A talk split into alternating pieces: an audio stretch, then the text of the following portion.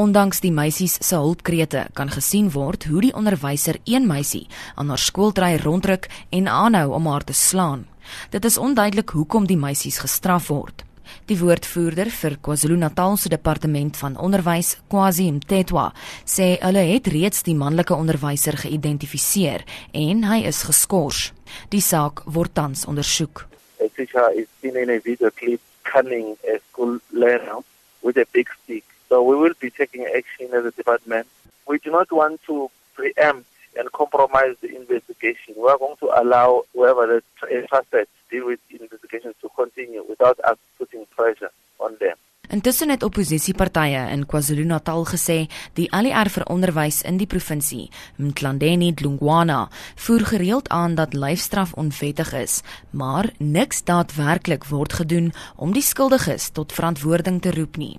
Die woordvoerder vir die DA in KwaZulu-Natal, Mbali Nkluli, This is something that has continued to happen all over KZN despite the many calls to have the Department of Education fully investigate why there's no action taken against educators who are doing this and why there are no measures in place to ensure that discipline is meted out in a way that is in accordance with our laws.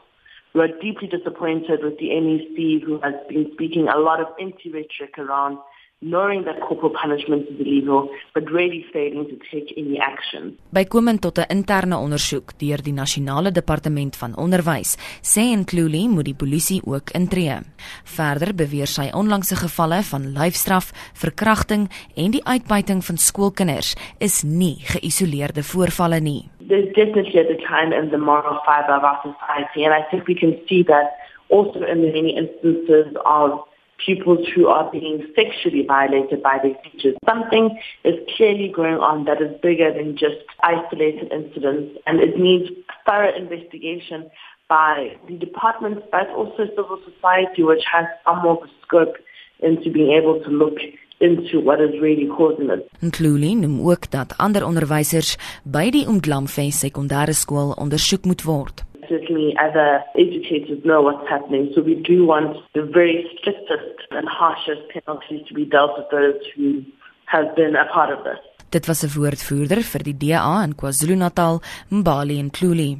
Die ALR vir onderwys in die provinsie was nie beskikbaar vir kommentaar nie. Ek is Jean Marie Verhoef vir SAK nuus.